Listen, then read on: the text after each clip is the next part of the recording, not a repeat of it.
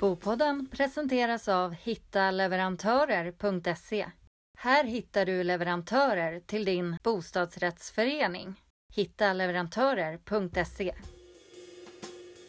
Idag när man går ut och pratar med en bostadsrättsförening så är det som regel ganska få som har laddbilar och det är lite grann hönan och ägget där. Har du, inga, har du ingen möjlighet att ladda så skaffar du heller ingen laddbar bil.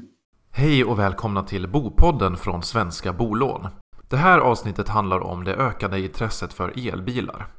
Hittills i år är antalet nyregistrerade bilar i Stockholm nästan fyra gånger fler än under samma period förra året. Och majoriteten av de som bor i bostadsrätt tycker också att det är viktigt att det erbjuds laddstolpar för elbilar. Men enligt en undersökning är det bara en av tio som har möjlighet att göra det i sin förening. Vi har pratat med Marie-Louise Persson som är miljöchef på Riksbyggen om hur de har märkt av den ökande efterfrågan för laddstolpar för elbilar. Ja, det är ett ganska stort intresse faktiskt för, för laddplatser. Eh, och det har jag märkt bland annat när jag varit ute och hållit föreläsningar om hur man ska installera vad man ska tänka på och sådär så kommer det väldigt många och lyssnar. Och det, det, är också väldigt många insatta frågor så att det märks att de också har läst på en del om det här. Men eh, vad tror du att den här ökade efterfrågan beror på? Eh, ja men jag tänker att det, det, är liksom en kombination av flera saker. Dels så har bilarna blivit billigare liksom genom de här sista åren. Eh, vilket gör att fler har råd att köpa dem. Det finns också en del stödsystem kring elbilar. Eh, och jag tänker också att fokuset på hållbarhet har ökat ganska mycket. Så det är fler som gör ett medvetet val när de ska köpa en ny bil. Sen tänker jag också att det är så att de som har varit tidiga på området och har köpt elbilar i tidigt skede, de har pratat ganska positivt om sina erfarenheter. Vilket gör att fler och fler vågar prova. Vet du någon siffra på hur många som har, ja, hur många bostadsrättsföreningar som har i Riksbyggen? Så? Nej, men jag skulle säga att det fortfarande är att liksom flertalet inte har gjort det här, men att det är väldigt många som står i startgroparna. Men eh, hur lönt är det egentligen för en bostadsrättsförening att skaffa laddstolpar? Jag tänker för det finns ju säkert de som skaffar det kanske inte, då är det kanske inte så att alla boende kommer använda dem för att de inte har elbilar så där. Hur, hur tänker du där? Ja, nej, jag, jag, tänker att man eh, som ett första skede så ska man inventera i föreningen hur många det kan vara som, som kan vara intresserade av att ha laddplatser. Så att man kan fråga hur, hur intresset ser ut det närmsta året men kanske också fem år framåt och så får man göra en gissning om att så här många av våra medlemmar kommer att vilja ha en laddplats framöver. Eh, och sen så finns det också möjligheter att förbereda. Så att om man installerar ett fåtal laddplatser så kan man ändå förbereda för fler. Och det jag har hört i föreningar där man har installerat en laddplats det är att efterfrågan kommer lite när man ser att det finns en möjlighet. Så att man ska vara beredd på att det kanske är några till som vill ha som inte har sagt någonting. När man, när man gör det här. Sen ska ju kostnaderna fördelas på den som använder laddplatsen. Så att de faktiskt får vara med och betala för det det kostar att installera. I framtiden kan jag tänka mig att det kanske blir mer eller mindre standard att när du köper en ny lägenhet så vill du att det ska finnas möjlighet att ladda din elbil och då, är det ju, då finns det ju en risk i att inte ha varit med och tänkt till också. Men där är vi inte riktigt än kanske. Tror du att eh, alla era föreningar har råd att liksom installera de här? Eh, ja, det hänger ju också på hur man fördelar de här kostnaderna. Mm. Eh, jag tror att de flesta har råd att göra det här. Men jag tror att det kanske inte är kostnaden som är hindret utan snarare det här med kunskapen och att man också har massa andra saker som man ska göra i föreningen. Så att det handlar om att prioritera också. Hur mycket mer miljövänligt är det att liksom köra elbil än vanlig bil? Och... Ja, en elbil är ju mycket effektivare som, som sådan så att redan där så sparar man energi på att använda en elbil. Sen eh, finns det ju andra miljönackdelar med en elbil. Eh, som batteriet bland annat. Och då tänker jag mig att det vi hoppas på i framtiden det är väl kanske att fler kommer att kunna dela på samma fordon och då kommer miljökostnaden att bli ännu mindre i slutändan. Då. Eh, och dessutom kommer det att finnas fördelar som har man en, en bred fordonspool så kan man välja det fordonet som passar bäst för den resa man tänker göra. Då kan man ta en elcykel när man känner för det och så kan man ta den stora kanske bränslebilen när man ska åka en jättelång resa och så. Så att du kan välja det som är lämpligast för stunden. Vi pratade även med en av många leverantörer av laddstolpar för elbilar. Jonas Andersson är försäljningschef på företaget ChargeStorm och han går mer in på djupet vad en bostadsrättsförening bör tänka på inför inköpet. Det handlar ju väldigt mycket om hur behovet ser ut idag men framförallt på några års sikt. Bilbranschen pratar idag om, eh, idag har du ett modellutbud på ungefär 8% av alla bilar som är elektrifierade eller laddbara. Eh, om tre år, alltså 2022, räknar man med 34% så då är det en tredjedel. Så behovet kommer att öka. Så dels då hur behovet ser ut idag och hur det ser ut om några år. Vilka parkeringsytor är det aktuellt att placera laddare vid? Och går det att bygga i kluster? Eh, själva laddaren kostar ju lika mycket om den sitter utspridd eller om den, kost, eh, den sitter eh, installerad jämte en annan laddare. Utan det är installationen som kan dra iväg ganska mycket pengamässigt då. Eh, jag har varit i kontakt med ett par föreningar där man då egentligen sagt upp samtliga parkeringsplatser för att då kunna omfördela parkeringsplatserna så att man sätter laddare på plats 1, 2, 3, 4 istället för 1, 13, 26 och så vidare. Eh, och det kan vara en ganska stor diskussion i en förening. Sen behöver man titta på återigen installationsmässigt, alltså närheten till elcentralen. Varifrån får du kraften? Och vad klarar dagens säkring? Förbered gärna för ny eh, utbyggnation så att eh, har du en schaktare där, eh, schakta gärna lite extra eller ner tomrör så att du kan bygga ut på sikt utan att behöva ta dit en grävare och asfaltera om på nytt igen då. Sen den förväntade laddningen, alltså hur snabbt ska det gå egentligen? Jag pratar med föreningar som vill ha väldigt snabb laddning, alltså vi pratar 22 kilowatt. Det innebär att du laddar ungefär 11 mil i timmen. Och det, alltså jag tycker personligen att det är för mycket. De flesta idag klarar sig gott och väl med det man säger 3,7 kilowatt vilket motsvarar ungefär 1,85 mils laddning i timmen. För bilen står ju som regel parkerad 10 till 12 timmar på natten. Framförallt tänker jag också då vad det kommer att kosta. Fler och fler energibolag idag pratar om att man kommer att införa effekttaxa och höja effekttaxorna. Eh, och det innebär ju att ska du ladda med höga effekter så måste du ha abonnemang med stora effekter. Kostar mycket pengar. Och du har nätöverföringsavgifter som också kommer att kosta väldigt mycket pengar.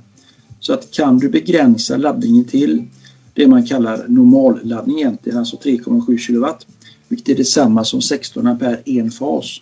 Då tror jag att du kommer ganska långt. Du laddar ändå en, på 10 timmar så laddar du ju 18 mil ungefär. Så att, och det, de flesta kör inte 18 mil om dagen.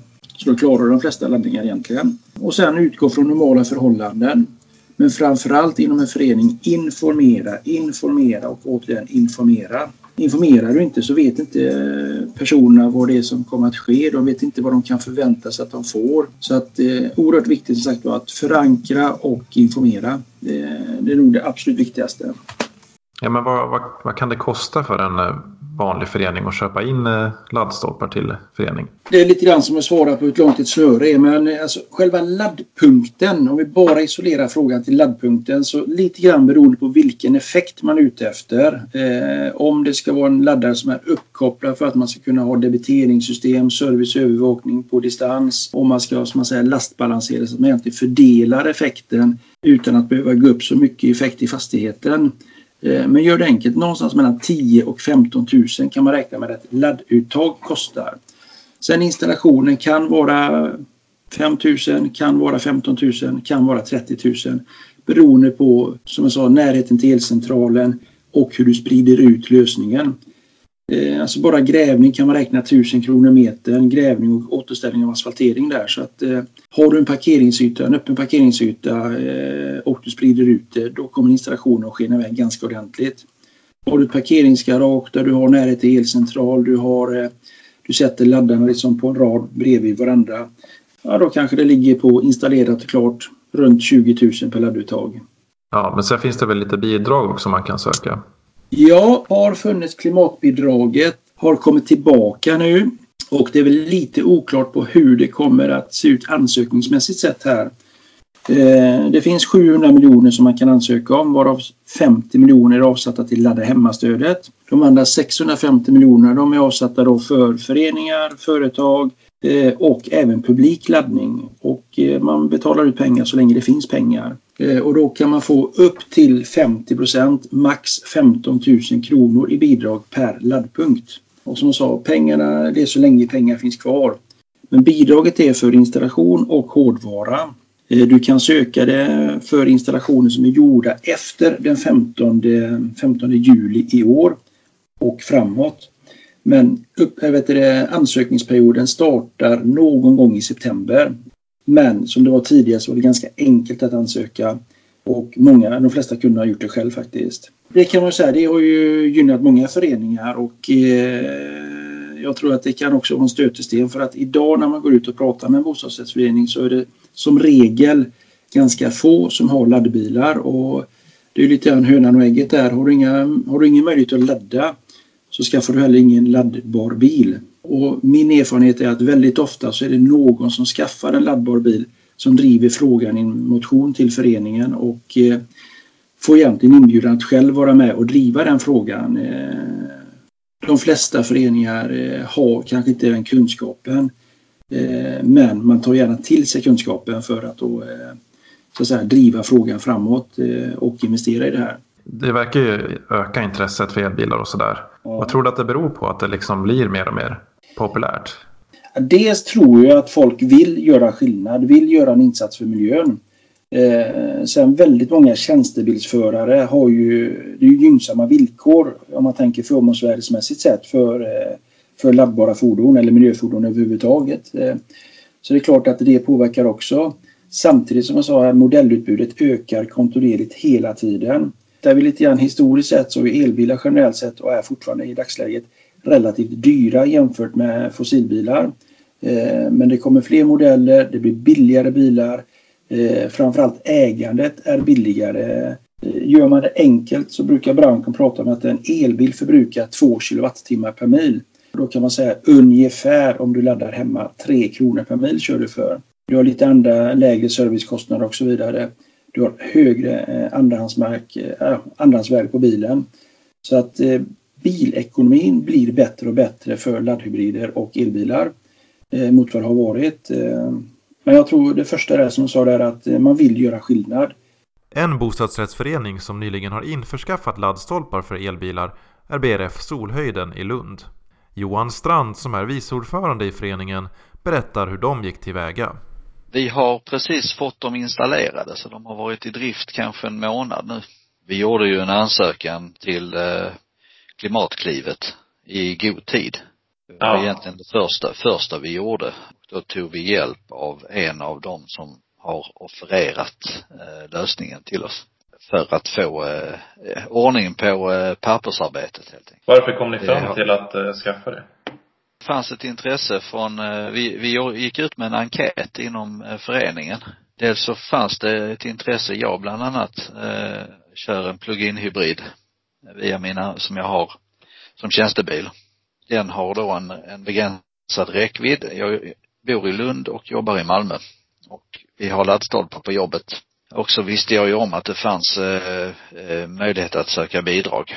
Men eh, för mig då, privat, så, så blev det så att jag kunde köra eh, från jobbet och hem på el och sen fick jag köra på bensin till jobbet. Och sen, eh, så det vi gjorde var att vi gick ut med en enkät i föreningen helt enkelt. Eh, där vi ställde frågan om det fanns ett intresse för eh, möjligheten att ladda bil hemma. I, i vårt eh, samfällda garage där man då eh, ställde frågan, eh, fanns ett antal svarsalternativ. Är du intresserad? Ja, nej.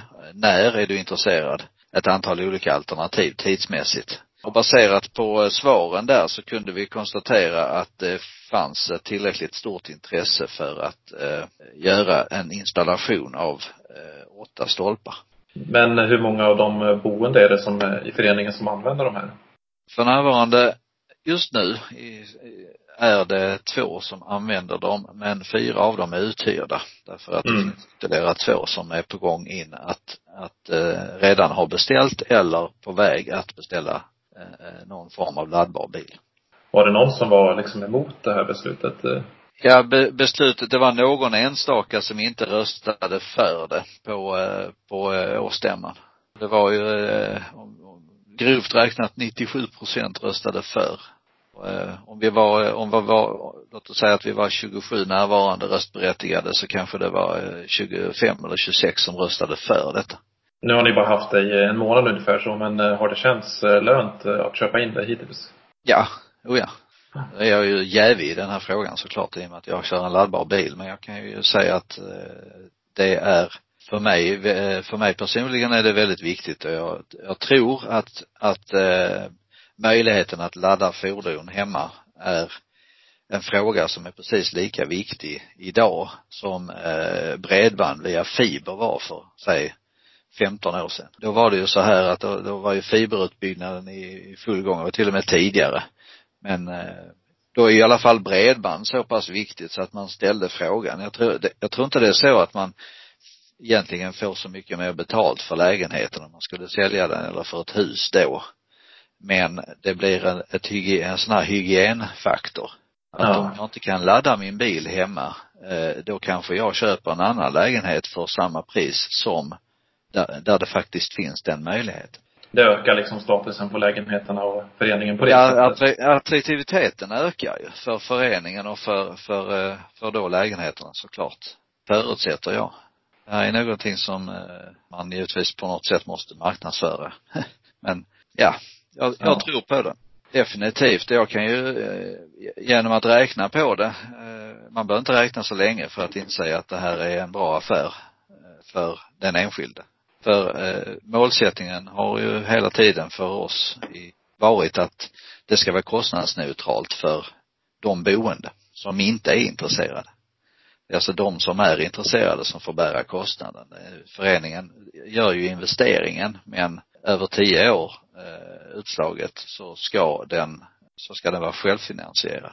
Så, så de som är, antingen inte röstade för eller röstade emot, de, de har liksom inga eh, ekonomiska incitament att, att eh, rösta emot egentligen. Eh, merkostnaden per eh, laddplats bestämdes till 200 kronor. Eh, alltså hyran på själva platsen. Sedan så debiteras man ju för förbrukad el utöver det. Det är ju mätning på varje, varje plats. Varför har du själv eh, elbil? Det har jag för att jag jobbar för en framsynt arbetsgivare som eh, i förra tjänstebilsupphandlingen eh, ställde krav att vi skulle ha eh, miljöriktiga fordon. Jag jobbar inom logistikbranschen och eh, vi är väl medvetna om att vi, vi anses vara en smutsig bransch generellt sett, hur hårt vi än jobbar med miljöfrågor. Så det, det, det är både en kostnadsfråga för företaget och en, en eh, image du har lyssnat på ett avsnitt av Bopodden om laddstolpar för elbilar hos bostadsföreningar. Jag heter Anders Eklöv. På återseende.